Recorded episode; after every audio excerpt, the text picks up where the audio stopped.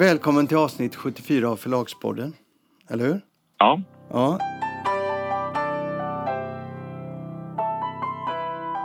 Det mesta av innehållet vi har idag har vi spelat in som vanligt traditionellt. Vi spelar in en liten tid innan. Idag gör vi någonting helt nytt också. Vi eh, har funnit att det blir svårare och svårare att använda oss av eh, det systemet eller det sättet att jobba med podden som vi har gjort nu i dessa tider, coronatider, där allting eh, händer så fort. Så två saker idag. Det här är vår första telefonare. Du sitter i Stockholm, Kristoffer. Ja. Och jag sitter i Göteborg. Och det är tack vare det som händer i samhället i övrigt så har vi insett att vi måste göra så för vi kan inte resa så mycket, eller jag kan inte resa så mycket. Och sen måste vi ha en teknik som fungerar när vi försöker vara aktuella, för vi måste vara mycket, mycket mer aktuella framöver. Och det här är tack vare Stefan, vår ljudprofessor, som har eh, fixat en utrustning som gör att det här låter helt okej. Okay. Att jag ringer till dig och du pratar i telefon. Mm. Och det gör ju större möjligheter att vara friare och snabba. Och lite annorlunda eh, intervjuer är möjliga med folk i branschen. Det ändrar sig dag för dag och vi måste plocka upp det. Och det gör vi idag genom att det här samtalet vi har nu det sker på fredagen och det läggs ut på måndag morgon. Det här inslaget handlar om att du ska ge oss en beskrivning av hur du ser på marknaden. Och det kan vara väldigt, väldigt viktigt och intressant även för mig att höra eftersom det händer saker hela tiden. När den här coronakrisen bröt ut så var väl allas uppfattningen att det skulle dröja några veckor och sen så skulle det vara över. Och det här tidsperspektivet eh, har hela tiden förflyttats. Och eh, jag trodde själv att det här skulle bli en ganska mild kris, det skulle bli ganska jobbigt under några veckor sen skulle allt återgå till det normala. Men i takt med att det här slutdatumet hela tiden flyttas fram så, eh, så ser vi ju att det här faktiskt blir en kris som kommer påverka oss under lite längre tid för att det är väldigt mycket som, under den här perioden som faktiskt kommer att, kommer att bli så jobbigt så att det kanske slås sönder. Och eh, jag menar, bokbranschen är inte lika hårt drabbad som exempelvis restaurang eller, eller hotellbranschen. Men jag tror att i vår bransch så kommer coronan att fungera lite grann som en katalysator som påskyndar saker som kanske ändå skulle ha skett men som nu sker lite snabbare. Och jag tänker då i första hand på eh, ökad kanalförskjutning och formatförskjutning. Alltså en ökad digitalisering helt enkelt. Där eh, vi ser då vad gäller kanalförskjutningen att försäljning flyttas över från fysisk bokhandel till nätbokhandel och där vi även ser att en viss konsumtion av en viss typ av böcker kommer att flyttas över från fysisk fysisk, inte bara butik, utan fysisk bok till då eh, digital bok och det är i Sverige i första hand ljudbok. Jaha. Och det här har vi, alltså vi har ju redan sett detta nu eh, under de, den första tiden när, när, när det här liksom, paniken började sprida sig. Då såg vi bara en allmän nedgång. Eh, och varken, alltså nätbokhandeln ökade inte sin försäljning men de senaste liksom, veckorna eller veckan här så har vi sett att det faktiskt skett en ganska kraftfull ökning på nätbokhandeln som dock långt ifrån kompenserar för fysiskt bokhandelstapp. Och vi har också sett en viss ökning på streamingtjänsterna. Och vad gäller streamingtjänsterna har vi också noterat en intressant sak och det är att vi ser, jag vet inte om jag sa det här kanske redan i förra avsnittet men det har blivit tydligare och tydligare ju längre tid som de här karantänerna på, pågår. Och det är ju att eh, skillnader i lyssning mellan helg och vardag håller på att suddas ut. Tidigare har vi sett att liksom lyssnandet går som i vågor där lyssningarna går ner ganska kraftigt eh, på fredagar och sen så går de ner ännu mer på lördagar och sen går de upp lite på söndagar och upp ännu på måndagar. Nu ser vi då att det går ner på fredagar men inte alls lika mycket som tidigare. Sen så ligger det ganska konstant på den nivån under, under lördagen så det blir ingen särskilt stor dipp. Eh, och det är väl inte så konstigt, det är väl så som människor nu lever. Men det visar också på hur lyssnandet har, har liksom, eh, hur de här förändrade vardagsrutinerna också har påverkat eh, lyssningsrutinerna. Men om du tittar på det rent fysiska då, på förlagets utgivning och på förlagens utgivning, vad säger du då? Alltså, det ser ju väldigt illa ut. Um, Bokhandlarföreningen och Förläggarföreningen har ju släppt statistik nu lite snabbare. Då kan man ju se då på de här senaste, senaste bokhandel, bokhandelsförsäljningen minskade med 35 procent Eh, och eh, det var väl innan vi såg då att nätet hade ökat. Men eh, den fysiska bokhandeln är ju fortfarande oerhört viktig för förlagen och eh, försäljningstapp på 35 procent är eh, otroligt smärtsamt. Inte minst eftersom det ofta är böcker som inte kan kompensera digitalt. Påverkar det utgivningen? Ja, men alltså det, det, jag tror ju det. Um, på, på, kort sikt, så, nu får vi se hur länge den pågår, men vi, alltså mars, mars var en dålig månad. April kommer bli en dålig månad. Jag tror vi kan räkna bort maj. Um, och om det nu blir så att, att de här liksom, restriktionerna släpper och det mesta återgår till det normala i juni så kan ju sommaren bli bra. Um, men, men, men för många förlag så kommer det vara tre månader med minskad försäljning på 35 procent som aldrig kommer kunna hämtas tillbaka. För det är ju liksom, det är, det är ju liksom tappad försäljning som aldrig kommer tillbaka. Jag tror att för, några förlag kan det vara helt avgörande för deras överlevnad. Och hur gör du själv? Ja, så vi, Linne Company är ju väldigt lyckligt lottade i det här läget eftersom vi redan från början har haft en ganska stor ljudboksexponering. Så vi har ju, vi har ju liksom, ljudböckerna för oss fungerar ju som en krockkudde lite grann. Eh, men eh, eh, vi har ju en stor utgivning med fysiska böcker och vi har funderat väldigt, väldigt mycket på hur vi ska göra. Ska vi flytta titlar från våren till sommaren eller till hösten? Men vi har liksom landat i någonstans att vi kommer fullfölja vår utgivning precis som planerat. I alla fall, i alla fall så som det ser ut nu idag. Mm. Och här har jag liksom kollat runt lite med en del förlag och jag har förstått att eh, en del mindre förlag, Ersatz exempelvis, har, har strukit sin vårutgivning, flyttar den framåt. Eh, Fri Tanke har uppfattat har gjort samma sak. Eh, men, eh, men de flesta förlag fullföljer utgivningen. Och eh, det är ju väldigt problematiskt när man börjar flytta böcker därför att eh, det naturliga är ju då att flytta vårens böcker eh, från, från våren nu då till hösten. Men då, dels så har man ju väldigt mycket aktiviteter inplanerade, inte minst kanske på nätbokhandel eller på, på, på tidningstjänsterna Eh, som påverkas och även fysisk bokhandel har ju faktiskt fortfarande kampanjer och väldigt mycket försäljning pågår fortfarande där. Eh, så det, det, blir komplicerat och sen så blir det ju en enorm överutgivning om alla skulle börja flytta sina böcker till hösten. Och flyttar man böcker till 2021 så börjar ju de listorna bli ganska fulla redan. Och det kan bli, dels kan det liksom bli jobbigt med att man har personal som blir övertalig men också att författarna liksom som sitter nu i karantän, de skriver då böcker som vi inte kan ge ut förrän 2022, 2023. Så det blir, liksom, det blir ju väldiga komplikationer hur man än gör. Mm. Men det här, det här problemet är mycket större i Tyskland och Frankrike och Italien och Spanien. Varför det? Därför att där är bokhandeln helt stängd eh, och där säljer Amazon inga böcker på nätet överhuvudtaget. där har man enorma problem. Jag läste en artikel i Frankrike där bokhandlarna eh, de, de, är, de, är, de är förtvivlade för de har enorma lager med böcker samtidigt som förlagen fortsätter att ge ut nya böcker och ingenting säljs. Eh, och där, lite grann som i Sverige, fast mycket värre. Alltså det, hur man än gör så blir det knasigt. Hur man än gör så ställer, ställer det till problem om man flyttar utgivning eller om man sparar utgivningen. Så.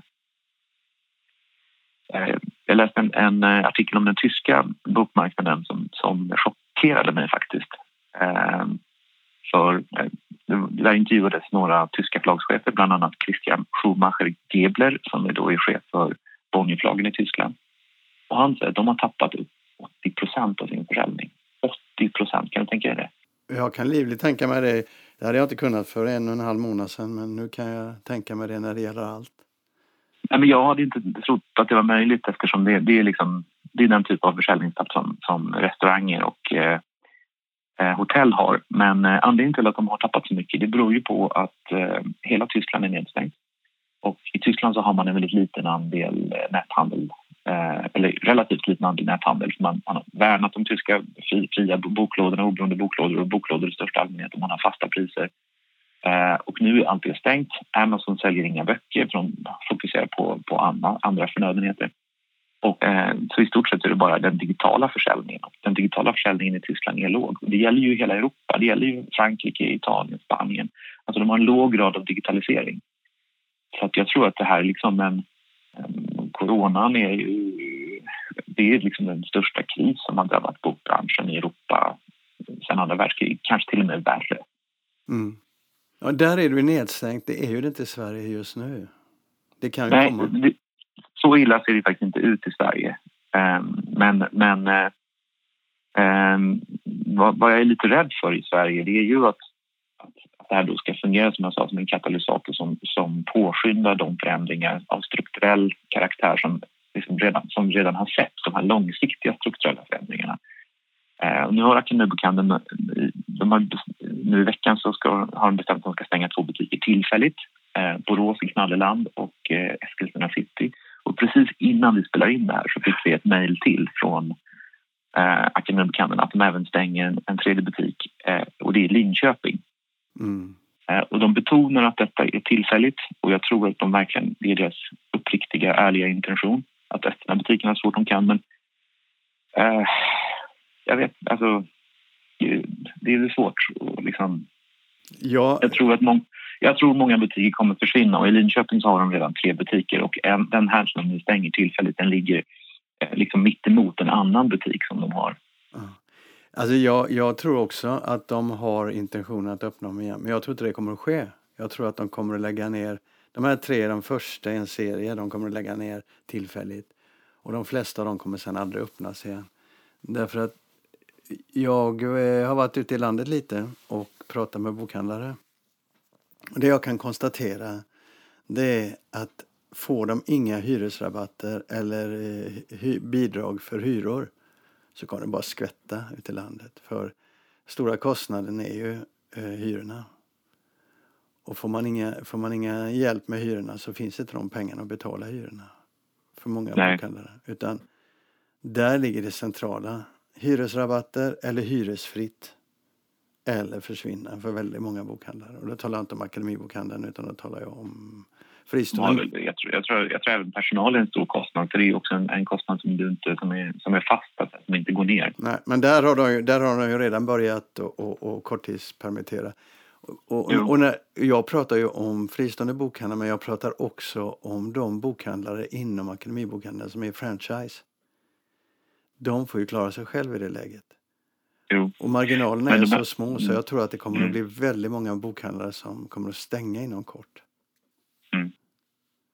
Men det är inte de enda som har hört av sig till dig utan eh, du får ju hela eh, ska man säga, bakdelen av branschen. Eh, distributörer, transporter. Ja, du tänker på, du tänker på förlagssystemet, ja precis. De har också här eh, idag hört av sig och sagt att de ska börja permittera. Um, I första hand um, så det är de som då distribuerar böcker eh, åt förlagen ifall någon inte vet vad förlagssystem är. Eh, I första hand tjänstemän, för de har redan väldigt mycket eh, uppe på lagret så har de redan väldigt mycket timanställda. Eh. Men, men det är ju en given utveckling för dem eh, när de tappar. De tappar ju lika mycket de. Mm. de det de tjänar pengar på är ju de volymer som de hanterar. Mm. Och hanterar man inga volymer så får de inga pengar in. Så är det ju. Nej. Men fortfarande är det så att, att eh, bokhandeln, den fysiska bokhandeln är öppen. Och även om man inte vill gå dit så kan man beställa via eh, nätet av sin favoritbokhandel. Jag gjorde det igår själv. Jag ringde upp och sa att kan du skicka mig dem och dem? Jag vet att jag kan gå ner men jag tänkte nu ska jag gå till mina favoritboklådor så att de verkligen är, finns. Kan du skicka mig dem och dem och dem och de böckerna? Så gjorde de det. Jag tror att det måste, måste vi alla göra. tror jag. Ja, det tror jag också, verkligen. Um, I Tyskland så har ju då förlagen, en, eh, de, många tyska förlag, i Tyskland har de något lite som påminner om permitteringar som heter Kurzarbeit eh, där man går ner i arbetstid och där staten tar en del av kostnaden. Ehm, men många förlag, som, det verkar inte som att alla förlag redan har börjat tillämpa det. Bonnierförlagen har inte gjort det eller gjort det i väldigt liten utsträckning. Och man, man lägger väldigt mycket energi på att eh, ha väldigt mycket digitala eh, uppläsningar, författarträffar och som man kopplar till den lokala bokhandeln. Eh, för även där kan man liksom beställa så, även om, även om eh, många inte är öppna. Mm. Och det är ju, tycker jag, eh, behjärtansvärt och bra och kanske helt rätt men det är ju, i det stora hela är det ju väldigt små pengar för såväl bokhandeln som för, för lag. Ja, det är, andra, det är andra strukturer som kommer påverka överlevnad här. Men låt oss komma ja. tillbaka lite till det här, för jag vet att du har varit rätt krass rätt snabbt. Jag vet att kollegor på andra förlag eh, har tänkt att det här blåser över, men jag vet att du var rätt eh, tidigt ute ändå med att säga att det här kommer att påskynda struktur. Det är min, det är min pessimistiska läggning. Ja, Låt oss eh, dväljas lite i den pessimistiska läggningen lite till. Vad var, det, vad var det som fick dig att reagera så snabbt och så ändå tidigt? Nej, men det var ju att jag såg hur försäljningen gick ner och eh, det ser man ju väldigt snabbt. Och eh, att jag var ute på stan och såg att det är inga, folk, det är inga människor. Stockholm är inte nedstängt, vi har inte karantän utan man uppmanas att vara hemma och folk är hemma. Eh, och går man inte ut och eh, shoppar då köper man inga böcker. Eh, sen spelar det ingen roll om folk ligger hemma och läser. Sen såg vi, nu, det här är också en sak som jag tror förändras lite grann allt eftersom som tiden går. Men de två första veckorna så var min, är min upplevelse att människor var ganska mycket i chock. Eh, det fanns mycket oro, det fanns mycket rädsla. Och I ett sånt läge har man kanske inte ro att lägga sig ner och läsa Krig och fred av Dostojevskij. Eller säga Tolstoj. Ehm, um, just, ja, just det, borde jag ha koll på. Men, nej, men man, har, man har inte liksom ro. Utan man, man har, jag tror att folk har, har, lys, har lyssnat mycket på nyheter, följt nyhetsrapporteringen och såna här saker. Kanske tittat på Netflix. Eh, sen ser vi nu att man har börjat liksom återgå till, till lyssnandet på ett annat sätt. Eh, och folk läser nog kanske lite mer också, men jag tror att det där tar lite mer tid. Nu tror jag att vi är inne i en sån här period när folk faktiskt kanske läser lite mer och folk börjar få lite rutin på sin eh, annorlunda vardag. Men eh, det gäller ju också att man faktiskt konsumerar för att eh, bokhandel och förlag bygger på att folk handlar och köper, inte bara på att man ligger hemma och läser vad man har i bokhyllan. Mm. Jag tror inte vi ska spekulera så mycket mer nu utan en, en lägesbeskrivning räcker gott för att vi har, eh, du och jag har ju bestämt att vi ska försöka komma ut varje vecka nu, i alla fall ett tag framöver eh, med podden. Kanske lite kortare avsnitt men att försöka vara mer aktuella, gå in i branschen och se vad som händer. Vi, vi tror ju båda två att det finns ett intresse för det. Mm. Så du lär återkomma med dina jag, jag lär återkomma. Ja, du lär återkomma med dina funderingar runt branschen menar jag. Vi, vi, har ju en, eh, vi har en intervju med Maria Edsman i det här avsnittet. Ja, det har vi. Som är gjord, och det säger jag också innan eh, intervjun, att den är gjord innan coronaviruset slog igenom. Men vi tyckte att den var så pass intressant och hon tyckte själv det att det var helt okej. Okay. Eh. Ja, precis. Så vi, vi hade ju diskussionen, ska den sändas eller inte sändas? Men jag tycker på ett sätt är det viktigt att den sänds. Därför att hade den gjorts idag så hade allt fokus varit på corona och hur Aknubbe hanterar den den. Eh, men den här intervjun visar ändå på en oerhörd tro på fysisk handel, tro på bokhandel. Det finns en, liksom en kraft i den här intervjun, en positiv känsla i den här intervjun. Och det är också en bra påminnelse om att även om jag talar om strukturella, förändringar och så, här, så kommer ju väldigt mycket att bli sig likt när det här är över, för det kommer ju bli över, gå över. Mm. Ja, vi ska prata om det längre fram, tänker jag. Mm. Okej, okay, Kristoffer. Ska vi säga så? Ja. Du vill prata om en bok? Nej, jag tänkte jag skulle berätta om ett misslyckande, för det är ju alltid kul eh, att höra om andras misslyckanden. Ja, kör. Nej, men det är intressant över lite olika perspektiv. Det är en ljudbok vi har givit ut. Och boken kom ut den 10 februari och har efter det haft 21 lyssningar. Jag kan säga att det är utan konkurrens den absolut sämsta eh, det är det sämsta som vi har haft någonsin på en ljudbok och då ger vi ut ganska många som bekant. Ja. Och det intressanta med den här boken är att den har sålt 60 000 inbundet. Wow. Är det en roman? Nej, det är en fackbok. Eh, och det är en ganska gammal bok ska sägas. Och, och, den har sålt så här mycket under ganska många år. Men det är en bok som har varit en levande backlistbok i, i över 20 år tror jag. Du vill inte säga titeln? Absolut. Det är Du ska bli pappa av Dick Sundevall. Okej. Okay. Och den fungerar inte alls som ljudbok? Den fungerar uppenbarligen inte alls som ljudbok. Um, och det är ju ingen självklar ljudbok. Och vi har haft den i den här boken, alltså när jag tog över Fisher Company, och det är över tio år sedan, så hade vi den i backlisten redan då.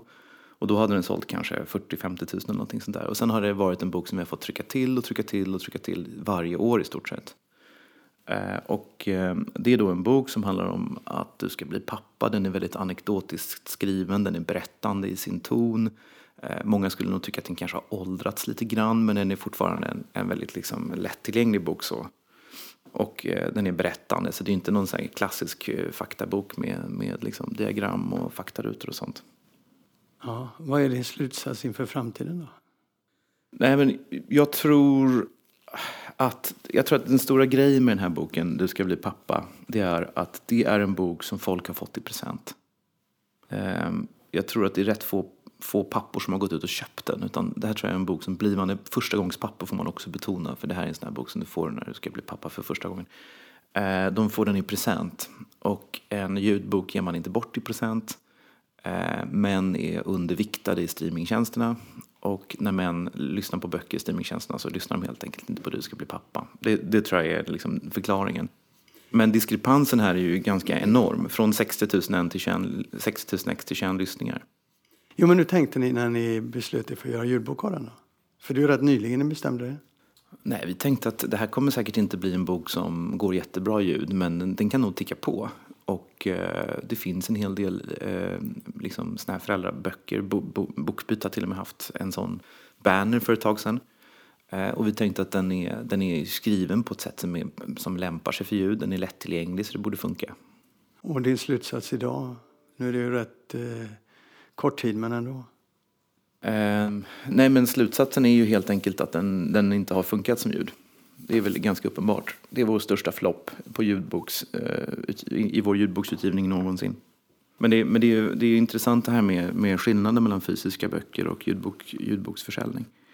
Att det finns verkligen böcker som inte funkar som ljud, som funkar jättebra som, som pappersbok. Mm. Det är ju inget nytt. Det är inget nytt. Nu har du drabbats av det. Nu har du gett ett ansikte. Yes. En sak som liksom bara försvann lite, tycker jag, även om det var den mest lästa nyheten på Svensk Bokhandel, var ju att chefredaktören, PK, slutade. Mm. Abrupt som det såg ut utifrån. Och eh, han slutade för att skriva böcker. Han tröttnade helt enkelt om man ska uppfatta deras pressmeddelande som styrelsen gav ut. Jag tycker just den typen av pressmeddelande är rätt menlöst. Ja, det fanns ju likheter mellan det pressmeddelandet och eh, alltså likheter i eh, informationsrikedomen i det pressmeddelandet och Karina eh, Nunstedts meddelande om vad hon ska göra och varför hon slutar. Mm. Man vill, vad man vill veta det är ju liksom, vad hände här? Mm. Och alla har ju respekt och förståelse för att man kan faktiskt tycka att ett jobb inte är kul längre, det inte passar, det kan finnas privata skäl och så vidare. Mm. Eh, men, men att man ska gå vidare till nya magiska drömprojekt. Eller att skriva böcker. Ja. Jag tycker det är patetiskt. Den typen av press... Patetiskt är det inte, men det, ingen, det, det blir ju löjligt. Ja, och det är samma sak. Löjligt och patetiskt i min värld. Jag tycker den typen av pressmeddelanden ska man eh, betacka sig för. Som journalist så blir jag alltid nyfiken under vad hände egentligen här. Va? Nu är, vet jag inte, eh, det är det vi ska prata om. Men eh, jag ville bara påpeka ett par saker när det gäller eh, PK. Jag tycker ju inte att han räckte till eh, idémässigt. Han var för snäll. En väldigt sympatisk människa som var för snäll. Och branschen behöver en lite tuffare chefredaktör. Men nu pratar jag ju egen sak, det vet du ju. Verkligen. Ja. Jag gillar inte den typen av pressmeddelanden som man ger ut som inte säger någonting. Jag vill veta mer. Jag vill att branschen ska veta vad, vad ska vi förhålla oss till. Jag tycker att styrelsen ska gå ut och peka på den ekonomiska sidan av det hela. Peka på katalogutvecklingen, peka på satsningarna som har gjorts, visa branschen just nu då eh, hur det ser ut. Så att branschen vet vad de kan vänta sig. Jag tycker den där eh, pressmeddelandet är ett typ av pressmeddelande som jag alltid som journalist föraktar. Det säger ingenting. Det var ju lite otydligt också att det var ett pressmeddelande. Det, var ju som, det lades ju upp som en artikel som eh, styrelseordföranden hade skrivit. Ja, ja, det kanske var det också, men det är en typ av pressmeddelande. Ja. Jag, jag tycker Svensk Bokhandel ska hålla sig för goda för att göra den typen av eh, redovisningar. Tror du Svensk Bokhandel finns kvar om fem år? Ja, det gör jag. Jag tror att eh, tidningen måste finnas kvar. Jag tror att det är otroligt viktigt för branschen att tidningen finns. Eh, titta hur det ser ut i Norden. Där finns inga tidningar att tala om. Inga branschtidningar. Och de lider ju av det. Branschen lider ju av en eh, situation där det inte finns någon som bevakar den. Den som lyfter fram de viktiga eh, frågorna och den som sätter folk, eh, alltså låter folk stå till svars för vad de gör. Jag menar, du vet ju själv hur det är i Norge. Finland har inte haft en tidning på många herrans år. Där blir det ju min, skvallret min, som driver fram min fråga till dig var inte eh, är, är det bra om det finns en, en Nej, jag hörde det. Min fråga var, tror du att det kommer finnas? Och då svarade du, Ja, det tror jag. eh, ja, men du svarade, det borde finnas för det är viktigt. Det Ja, var, var inte det som var, det var inte det som var frågan om Nej. det var viktigt. Okej, jag tror att den finns kvar. Mm. Jag tror att den kommer att förändras ytterligare. Eh, Men där pratar jag egen sak för jag har eh, idéer om sånt såklart. Men ja, jag tror att den finns kvar. Och jag tror att den kommer att vara viktig om fem år också. Vilken väg man väljer har jag ingen aning om. Och det är möjligt att nu när chefredaktören har hoppat av att man väljer att gå en ny väg. Men de har ju en ny styrelseordförande som kan tidningar. Och de har... eh, Fast där har du ju också, det är inte hans fel, men där har du också ett, ett problem med, med Svensk Bokhandels ägarkonstruktion. Att I styrelsen så sitter då ordföranden på ett av Sveriges största förlag. Hur, hur hård blir granskningen där? Eh, det, det är ju lite knepigt det där. Ja, det skulle kunna vara det. Det beror på vem du väljer som chefredaktör. Ja. Vilken inriktning, vilken kultur du har på en arbetsplats. Ja, Jag tycker inte att det är ett problem om du har rätt kultur. nej, för du har inga problem med osams med vem som helst. Men, men för normalt funtade människor så är det ju lite jobbigt att granska de som är ens chefer. Ja. Det, det finns ju en inbyggd problematik där, det gör det ju. Förlagen vill ha en snäll tidning som skriver positiva nyheter. Ja, inte, inte de mindre förlagen. Det är de stora förlagen som vill ha det. Och eh, jag skulle tycka att det var bra om inte de stora förlagens chefer satt eh, eh, och, och styrde styrelsen utan att det var mindre, För- piggare förlag I- som var intresserade av tidningen. I ett läge när tidningens ekonomi är så ansträngd och i ett läge när man antagligen kommer bli lite mer beroende av prenumerationsintäkter och sådär så känns det som att tidningens relevans eh, måste öka. Och det gör den ju inte genom att skriva snällare artiklar. Genom, det gör den inte genom att gräva lite mindre. Nej, nej, absolut inte. Eh, tidningens relevans överhuvudtaget handlar ju om att den är en tidning som tittar på branschen på ett sätt som gör att den gräver fram viktiga fakta, eh, viktig information och inte tvekar att berätta hur branschen utvecklas. För det finns ett intresse för alla som jobbar i branschen att kunna spegla sig i branschen och förstå den. Och då, jag såg alltid det som en avgörande fråga. Vad är tidningen för dem som jobbar i branschen? Jo, det är en spegel. Eh, det här är vår bransch. Det här kan vi vara stolta över. Det här kan vi vara irriterade på. Detta händer. Du kan inte gå till banken med det, men detta händer. Du kan i alla fall förstå vilken bransch du verkar i. Alla har ju inte samma information som de stora aktörerna och behöver ju en branschtidning. Jo, men att behöva och att tycka att det är viktigt är ju en sak. Hur det ska gå till är ju en annan. Ja, så är det. Vad tänker du där? Nej, men jag tänker att, att tidningens ekonomi har ju byggt på de här, de här katalogerna, eh, annonsnumren som vi har tjatat om tidigare, som du är så för och jag är för i teorin men i praktiken inte ser någon användning för längre. Ehm, och nu så har man ju då tänkt om där och hittat på ett nytt sätt eh, med en ny typ av katalog så- och man har ett samarbete mot, med biblioteken. Jag tycker att det är lovvärt, spännande. Jag ser inte riktigt den ekonomiska uppsidan i det heller så jag är ju ganska oroad. Ja, jag ser ju, eh, när det gäller katalogerna så tycker du jag de, ser ju det, ja. Ja, nej, men jag tycker att de har gjort ett fantastiskt jobb som har vänt utvecklingen, för det har de faktiskt gjort. Vilken roll de kommer att spela i framtiden, det vet varken du eller jag. Men jag tycker att de gör någonting väldigt positivt eh, när de gör det här. Vi kan ju konstatera en sak i alla fall när vi pratar om tidningen. Att båda vill vi ha en granskande, aktiv tidning. Men vi ser inte riktigt samma sak när vi tittar på tidningen. Ändå. Eller? Men jag tror vi ser exakt samma sak. Det är bara det att du har en annan uppfattning om hur tidningen ska tjäna pengar. Jag tror att den måste tjäna pengar som de flesta tidningar, mer på sin journalistik, mindre på, på annonser och seminarier och sånt. Men, men, men där har vi bara olika förhållningssätt till affärsmodellen. Journalistiskt tror jag vi ser samma sak. Samtalet som följer här mellan Maria Edsman och mig själv, Lasse Winkler, behöver några kommentarer innan ni lyssnar på det. Det är inspelat eh, långt innan coronaviruset slog igenom i världen. Så det finns inga eh, reflektioner till situationen just nu. Och när vi pratar så har vi ingen aning om vad som ska hända inom en kort framtid. Men det innehåller så pass mycket intressanta aspekter av bokhandel så att det är ändå värt att lyssna på. Okej, Maria Edsman, Ja. chef på Akademibokhandeln. Och Du- Bokus. Och Bokus. Och Bokus Play. Och Play.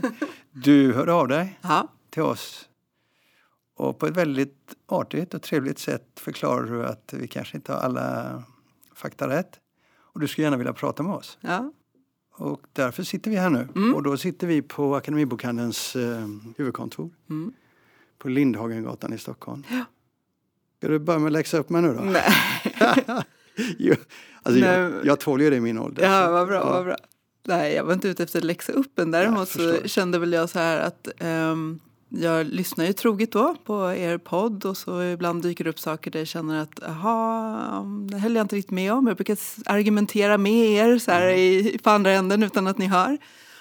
Ehm, Men bland det som främst gjorde att jag tog kontakt var att jag kände att det är ofta väldigt mycket referenser till bokhandeln eh, i England, Storbritannien, i USA. Nu dök det upp lite i Kanada och Finland. Och sen så sa du vid något tillfälle när Kristoffer sa så här att um, Akademibokhandeln gör ju en del bra grejer också. Det vet jag ingenting om, sa du. och det kan man ju tolka antingen som att du inte eh, höll med eller att du inte var informerad. Och då jag valde att tol- tolka det som att du inte var informerad. Då tänkte jag att jag berättar gärna lite grann. Ja, nej, för, för oss är det ju oerhört viktigt med eh, fysisk bokhandel och vi anstränger oss en massa för att det, det ska funka bra. Och ska, vi ska fortsätta att ha bokhandlare runt om i Sverige. Och, Det kanske inte verkar så, men, men för mig är eh, bokhandel på liv och död. mm, men det är det för oss också. Jag vet, jag vet, men alltså, jag tänker på det, jag sitter ändå, vi pratar mycket förlag. Ja. Och jag vet att Kristoffer gnäller lite när jag bara pratar bokhandel. Men, Mm. men för mig är det liksom kronan på verket Mm. är en fantastisk bokhandel. Mm. För all, hela den här branschen som jag Mm. tycker är så viktig. Mm. Men det är några frågor, vi ska bli konkreta. Mm. Eh, bland annat så skrev du där, eh, apropå det där jag sa om exklusivitet. Mm. För vi har pratat om det. Eh, Du har ju varit, Kristoffer blev inte så glad när du satte ner foten där första gången vi Mm. pratade om det. För då gällde det en av hans författare. Mm. Och nu gällde det då Camilla Läckberg. Mm. Och då visste vi inte så jag gick in och frågade i en butik. Och Mm. där ser man, även om jag tror att jag får rätt svar så fick jag inte riktigt rätt svar. Mm. För du har ett annat svar på den frågan. Ja, eh, för det första så tycker vi att det är lite skillnad på exklusiviteter och exklusiviteter. Alltså det finns ju en gradskillnad i det som kanske behöver förklaras lite grann. Men just om vi tar Camilla Läckberg-fallet så handlar det om boken i storpocketformat. Ja, den fanns inte att få tag i i eh, Akademibokhandeln samtidigt som eh, Bonnier hade gett eh, ett fönster på 14 dagar till... Eh, Pocket Shop, ja. precis. Och då tänkte jag direkt så att det Mm. hängde ihop, men det Nej. gjorde inte så. Nej, alltså i det här fallet så handlar det om att eh, vi tar inte in särskilt mycket storpocket för vi tycker inte att det är ett format som riktigt bidrar. Vi har inte så stor Yes. efterfrågan på det. Jag avskyr det formatet. Så att vi har väl känt att ja, men, eh, det är ju lite grann en prisfråga möjligtvis när en inbunden bok inte är en het nyhet längre så kanske det går att sälja den lite billigare men den behöver inte nödvändigtvis komma i ett nytt format. Eh, och sen efter ett tag så kommer pocketformatet som är då eh, ännu billigare. Och vi har dessutom haft väldigt svårt att förklara för kunderna i butik vad, vad är en storpocket och var ska du hitta den och så vidare. Så vi, vi tar in storpocket mer ja, ja, lite ad hoc på kampanjbasis och så. Så vi hade ju valt att inte ta in den här eh, Camilla Läckberg-boken då i storpocketformat. För en parentes, Mm. det trodde jag skulle betyda att storpocken försvinner på marknaden eftersom ni är så stora Mm. Och dominerar och tar ett sådant beslut. Mm. Är det så att det inte har gått fram till förlagen eller är det... Alltså jag vet inte, jag sitter ju inte riktigt i diskussionerna med förlagen om det här. Men jag vet att vi, vi har framfört att vi inte tycker att det är så stor mening med det. Exakt hur de tänker då i, i, på sin ände, det är jag faktiskt inte uppdaterad på. Ehm, men eh, det säljs ju fortfarande alltså, via våra e-handelsbutiker och så. Så det gör vi ju. För de som verkligen vill ha tag på den så går det ju att få tag på den. Men då efter det här så, så fick vi ju veta då att eh, då hade Pocket Shop fått det här två veckors exklusiviteten och eftersom vi redan hade tackat nej till den så kände vi att då är det ju ingen fråga för oss att ta i. Eh, Man kan säga att det var väl möjligtvis då någon liten nackdel att under de två eh, veckorna så gick den inte att köpa på Bokus heller. Men, men det graderade vi inte lika högt som, som det som vi har tyckt när det har varit stora nyhetssläpp eh, då på, på böcker som en stor eh, kundgrupp kanske går och väntar på och vill ha och vill köpa där man, där man vanligtvis köper. Nu är ju det här med exklusivitet något mm. som kommer att fortsätta komma på marknaden. Vi Säkert. kommer att få nya, nya situationer. Mm. Men er hållning, din hållning, är alltså principiell? Alltså vår hållning är ju att vi vill, när det handlar om då de här stora breda släppen som inte är någonting som en återförsäljare har skapat eller så, att då tycker vi att det ur ett kundperspektiv och ur vårt perspektiv eh, är mest logiskt om den går att köpa överallt. Vi tror väl också för en bokbransch som ändå har det lite tufft med nedgång i, i försäljning av fysiska böcker och så, så ju krångligare vi gör det för kunderna att hitta det de söker, det de vill ha tag på. Eh, att de ibland måste ha koll på att nej, den där boken finns bara på Adlibris säger vi. Den här gången finns det bara på Akademibokhandeln eller nu kan jag bara lyssna någon annanstans. Men frågan är från mig då, ja. nu är du väldigt snäll när du svarar, men jag vill egentligen mm. vill jag veta väldigt tydligt. Mm. Kommer du fortsätta sätta hårt mot hårt? Jag kommer fortsätta sätta hårt mot hårt eh, i de här fallen när det handlar om det vi kallar för rena exklusiviteter. Eh, därför vi vill så långt vi känner att det är möjligt eh, se till att vi inte hamnar i den exklusivitetskrig. Du är beredd i det korta läget att förlora pengar för att på den lång sikt få en annan marknad? Ja, precis. Där har du också då eh, eh blandat in alla kanaler. Mm. Du, du eh, menar att får inte er eh, Focus stream, Play, ja. Focus Play, får mm. inte de tillgång till boken så går det inte heller att köpa i pappersformat i Akademibokhandeln. Nej, precis. Och faktiskt inte på Bokus heller. Nej. Har vi ju sagt då. Så detta är en signal, ifall någon är tveksam nu så mm. hör de dig mm. säga detta. Jag kommer inte vika mig. Nej, precis. Jo, vet du vad? När jag tänkte igenom det här när jag skulle komma upp hit mm så tänkte jag så här, det viktigaste för mig det är att jag vill prata konkret mm. för det blir mest intressant. Mm. Och eh, vi har börjat bra. Mm. Du, om man tittar på det, förra året mm. på Akademibokhandeln mm. så gick ni eh, jämnt ungefär. Framförallt växte ni starkt på non-books. Mm. Och non-books det är som alla som kan lite engelska förstår, icke-böckerna. Mm. Jättetråkigt namn faktiskt som Ja. Jag härmed utlyser en tävling för den som kan hitta på ett bättre namn för Nonbooks. Ja. Alltså det gick så bra så att ni i julhandeln minskade lite på utrymme för böcker. Ni tog bort ett exponeringsbord och satsade mer på Nonbooks. Och då ska de som lyssnar på oss veta det att Nonbooks har alltså större marginaler, bättre ekonomi. Så börjar det gå bra där så vill ju alla bokhandlare egentligen växa där för att de behöver de pengarna. Mm. Men det betydde att ni tappade lite på böcker förra året. Eh, alltså vi har inte tappat mer på böcker förra året än vad vi har gjort, alltså hur trenden har sett ut de senaste fem åren. Nej, men konkret, hur såg det ut förra året för att förstå hur marknaden ser ut? Ja, nej, men vi hade, nu får jag då inte gå ut med exakta siffror, men vi hade en, eh, en liten nedgång på bokförsäljningen eh, under förra året, men den var alltså inte större än vad den har varit varje år de senaste fem åren. Nej. Så det här hände inget dramatiskt. Det som var dramatiskt däremot eh, förra året det var ju att det då som vi kallar för non-booksförsäljningen eh, gick väldigt bra istället. Så att den, den kompenserade mer än vad den brukar göra, den ökningen. Ja, och det där, men det där påverkar ju direkt hur butikerna ser ut. Ja, det gör det. Och det ser man också om man går in mm. i en bokhandel i en akademibokhandel i början av förra året mm. och nu så ser man en stor skillnad. Nej, jag skulle inte påstå att det är en stor skillnad. Vi har skiftat lite grann. Alltså det här har vi otroligt eh, noggrant hur vi ja. delar upp i antal sektioner och kampanjbord och så vidare. Och det är absolut inte en stor skillnad. Men det är några sektioner som har gått från bok till jag tycker, men då är jag ja. väldigt känslig. Jag tycker att jag ser det direkt. Då. Kanske hur man, alltså det blir väldigt mycket när man går in i en butik, det blir ett visuellt intryck. Man går ju inte och räknar så här, så, så här många nej. sektioner. Så det är möjligt att det presenteras på ett annat sätt som gör att du får den känslan. känslan. Hur långt kan en sån här utveckling gå? Ja, det där diskuterar vi mycket. Vi eh, tror ju att det måste fortfarande kännas att bok är liksom huvudkategorin. Vi är ju i grunden en bokhandel, så att det är bok det ska bygga på. Så det är ju, framförallt är det ju hur det känns när man kommer in i butiken, inte hur omsättningen fördelar sig. Eh, och då ska det vara, den övergripande känslan ska vara vi går, jag går in i en bokhandel. Men här finns det också annat att köpa. Du har ju koll på hur försäljningen fördelar sig mellan kanalerna. Då, mm. då tänker jag på fysisk bokhandel, nät mm. och streaming. Mm. Alltså nätet är ju större än vad den fysiska bokhandeln är och det har det ju varit sedan 2012.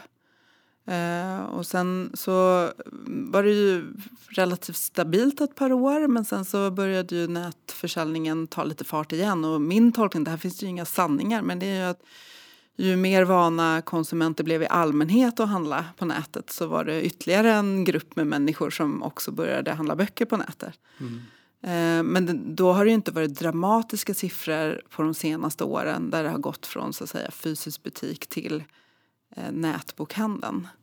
Eh, inte om man i alla fall jämför med hur det ser ut i modehandel och annan detaljhandel. Men det har fortsatt att ticka, alltså några procent till nätbokhandelns fördel.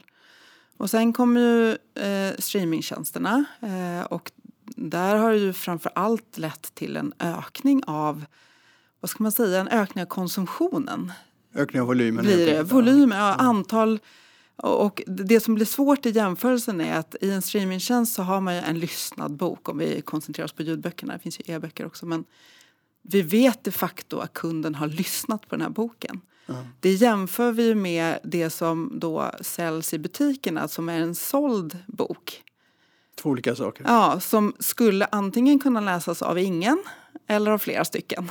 Mm. Oavsett vilket så har ju det om man säger pengar in i branschen i alla fall. Mm. Men hur, hur tror du det här kommer att utvecklas ja, om, några år, om några år?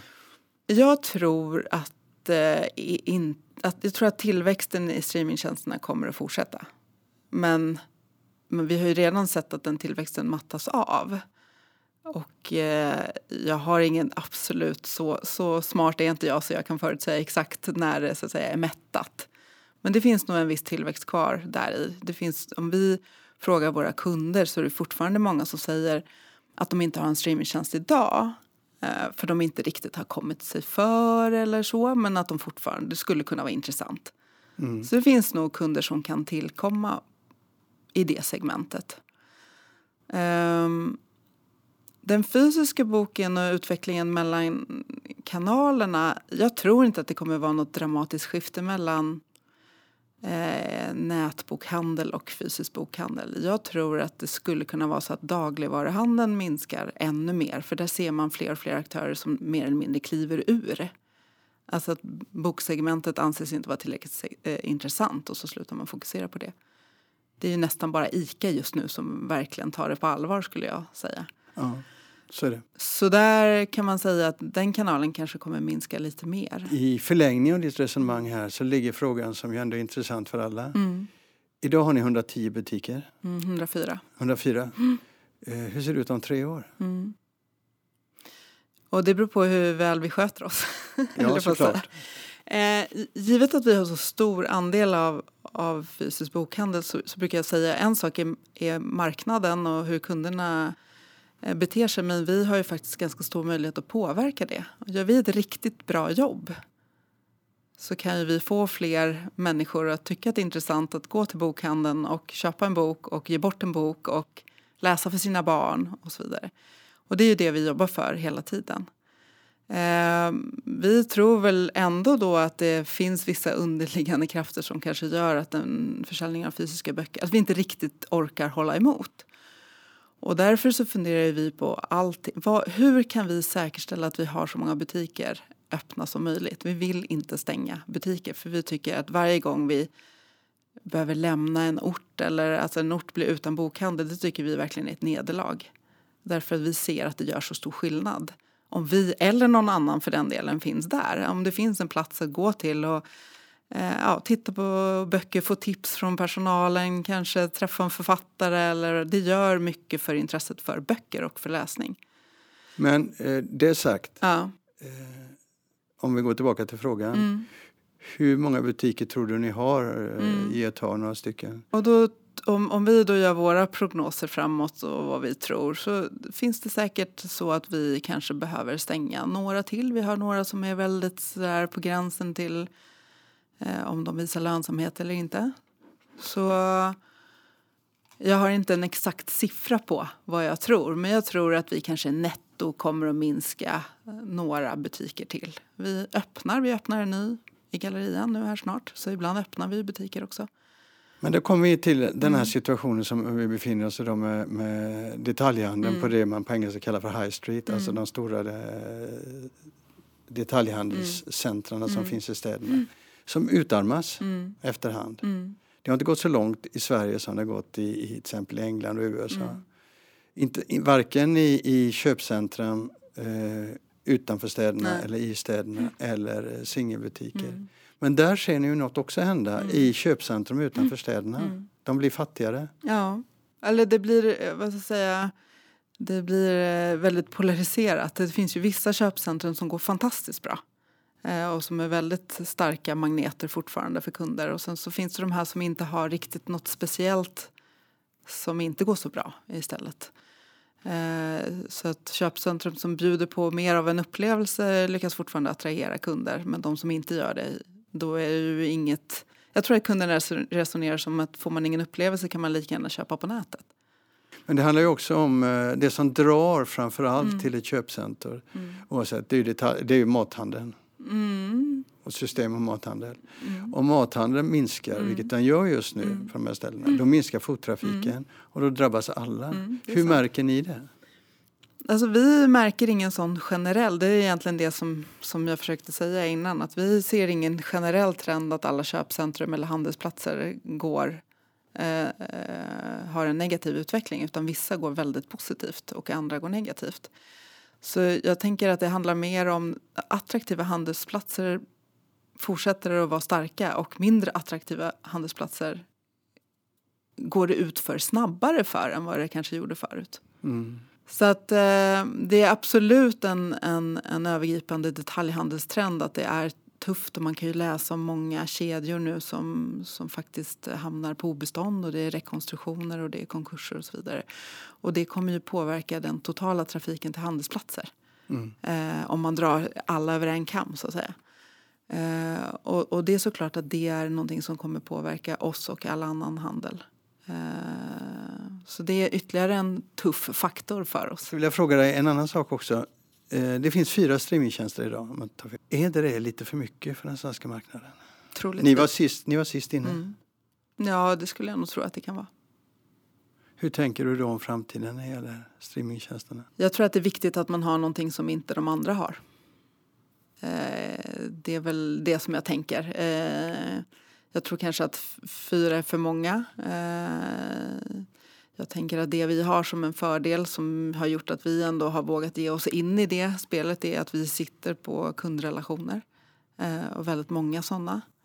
Och där vi känner att kan vi erbjuda en streamingtjänst i komplement till det andra vi kan erbjuda så har vi ett mer komplett utbud och vi har lättare att, så att säga, nå de kunderna. Samtidigt vet, Eh, istället för att de ska ha en konkurrerande tjänst då, eh, som ju många fortfarande har. Av våra ja, kunder. de flesta utgår från. Inte de flesta av våra kunder, men av de flesta som har en, ett, ett abonnemang idag har något annat än Ja. Bokusplay. Men Ja. Jag tänker så här också. Du har, du har, eh, ni kommer sist in. Mm. Ni har eh, egentligen inte jättemycket mer eh, de etablerade har mycket, mycket mer fördelar i och med att de redan sitter på marknaden. Eh, Vad ni- menar du med det? Att de sitter de på har marknaden? ju, jag menar, har, om Storytel har 400 000 kunder Mm. Så betyder det att de sitter på marknaden. Mm. De kan eh, styra, de kan eh, dominera marknaden och det gör de ju då Mm. utifrån den positionen. Ni har då fördelen att ni har, som du säger, ni har kundklubben, Mm. ni har eh, en bokhandel, ni har ett varumärke. Mm. Men vad egentligen finns det mer som drar kunder till er, nya kunder då? Nej, men till att börja med så är ju en stor del av det som kostar pengar för de övriga är ju att nå ut till kund. Eh, och det gör ju, får ju de göra genom betald mediaplats. Där vi egentligen har en kanal till kunderna som redan är upparbetad. Så det är ju en uppenbar fördel. Det andra är ju eh, att vi kan ju erbjuda våra kunder en, en paketering av tjänster. Alltså är man kund hos oss i en kanal så kan man få fördelar i en annan. Eh, och det har ju vi som en fördel som inte de andra kan göra. Men som du sa då så är ju det här med streamingen, den, den ökar marknaden. Mm. Man lyssnar Mm. och läser mer. Mm. Men samtidigt så visar ju förlagens Mm. eh, siffror att en viss kannibalisering finns det. Det vill säga, du har inte mycket tid som helst och Nej. många av de som lyssnar nu de läser mindre. Mm. Det betyder ju att du faktiskt kannibal- kannibaliserar på din egen försäljning i butiken. Så du får ju väga det. Jag antar att det också Men det är ju lite grann som att säga, då skulle vi inte finnas i e-handeln heller. För att, och grejen är det att kund, har kunden ett behov då går ju de till en aktör som erbjuder det som de vill ha. Som till exempel nätbokhandeln har ju kunnat erbjuda det här otroligt mycket bredare sortimentet än vad man har. Eh, På Bokus har vi ju åtta eller tio miljoner titlar som vi kan sälja från. Och det är mycket mer utländskt till exempel än vad som, som vi får plats med i våra butiker. Fast det är den traditionella synen att se på, på näthandel Mm. i förhållande till fysisk butik. Jag menar att det är den minst intressanta delen. Jag tror imorgon tror inte jag att det finns någon bokhandel i Sverige som överlever om de inte har en eh, nätnärvaro parallellt med sin butik. I- Inte bara för att sälja böcker eh, men också för att marknadsföra böcker, för att eh, dra folk till event och så vidare. Ser man internationellt så är det så att, att nätet i bemärkelsen digital plattform och fysisk bokhandel eh, mer och mer är det som ser vinnande ut. Och det är ju så vi gör på Akademibokhandeln, där har vi både och. Men Ja. om man säger så, så, om man säger frågan från början, ska vi verkligen ska vi inom bolaget konkurrera med våra fysiska bu- butiker? Det har vi ju gjort väldigt länge. Eh, med Bokus först och sen med akademibokhandeln.se om man väljer att se det så. Och vi har valt att se det som att vi vill kunna möta kunden i deras behov och önskan hur de tar till sig om vi säger berättelser eller böcker eller vad vi vill kalla det för så vill vi kunna vara där. Eh, och vi eh, ser nu att det är väldigt attraktivt för kunderna att ha ett abonnemang eh, för framförallt lyssning för det är ju ändå det de flesta kunderna gör i, sin, med, i sina abonnemang. Och då tycker vi att eh, vi vill ha en del av den delen av marknaden också där vi ser väldigt stor tillväxt. Så, eh, men det är fortfarande så att den största delen av vår affär handlar om fysisk bokhandel och det är såklart att vi värnar den. Mm. Låt oss gå över på det. Mm. Eh, frågan om framtidens bokhandel. Vi vet hur den ser ut idag. Mm, Men hur ska den se ut imorgon? mm, Om du tittar på er egen strategi, mm. eh, hur tänker ni då om morgondagens bokhandel? Så vi fortsätter ju utveckla bokhandeln i den säga, linje som vi redan gör. Vi tror väl inte på att det är någonting fullständigt annorlunda. Vi vill att det ska vara en mötesplats. Eh, Vi jobbar mycket med, med eh, våra medarbetare, våra säljare, att de ska kunna ha kunskap om, om, om böcker och litteratur och kunna vara, också faktiskt bjuda på det, inte bara kunna det utan vara bra i mötet med kund. För mig är det viktigt att Akademibokhandeln finns Mm. och att den är stark. Den behövs. Eh, sen är inte vi överens du och jag om vad en, en, en, hur en kedja... Mm. Du har kunskapen, den konkreta kunskapen. Jag är mer eh, flummig på att säga, men jag är mer, eh, kommer från ett annat håll. Jag Så tror att, jag, det finns nyansskillnader. Jag tror egentligen vi skulle, om vi satt och benade ut det skulle vi vara överens om ganska mycket saker. Och sen så finns det Kan ja, vara, kan någonting där i hur man skapar den mer lokala anknytningen som det säkert finns någonting i och som ja. vi får fundera på framöver. Du, en, fråga till, en sista fråga vi ska ta. Eh, Du pratar om det som du ville reflektera över. Vi hade fått en lyssnarfråga om, om hur Mm. Julhandeln påverkas av att många har eh, streamingabonnemang och så.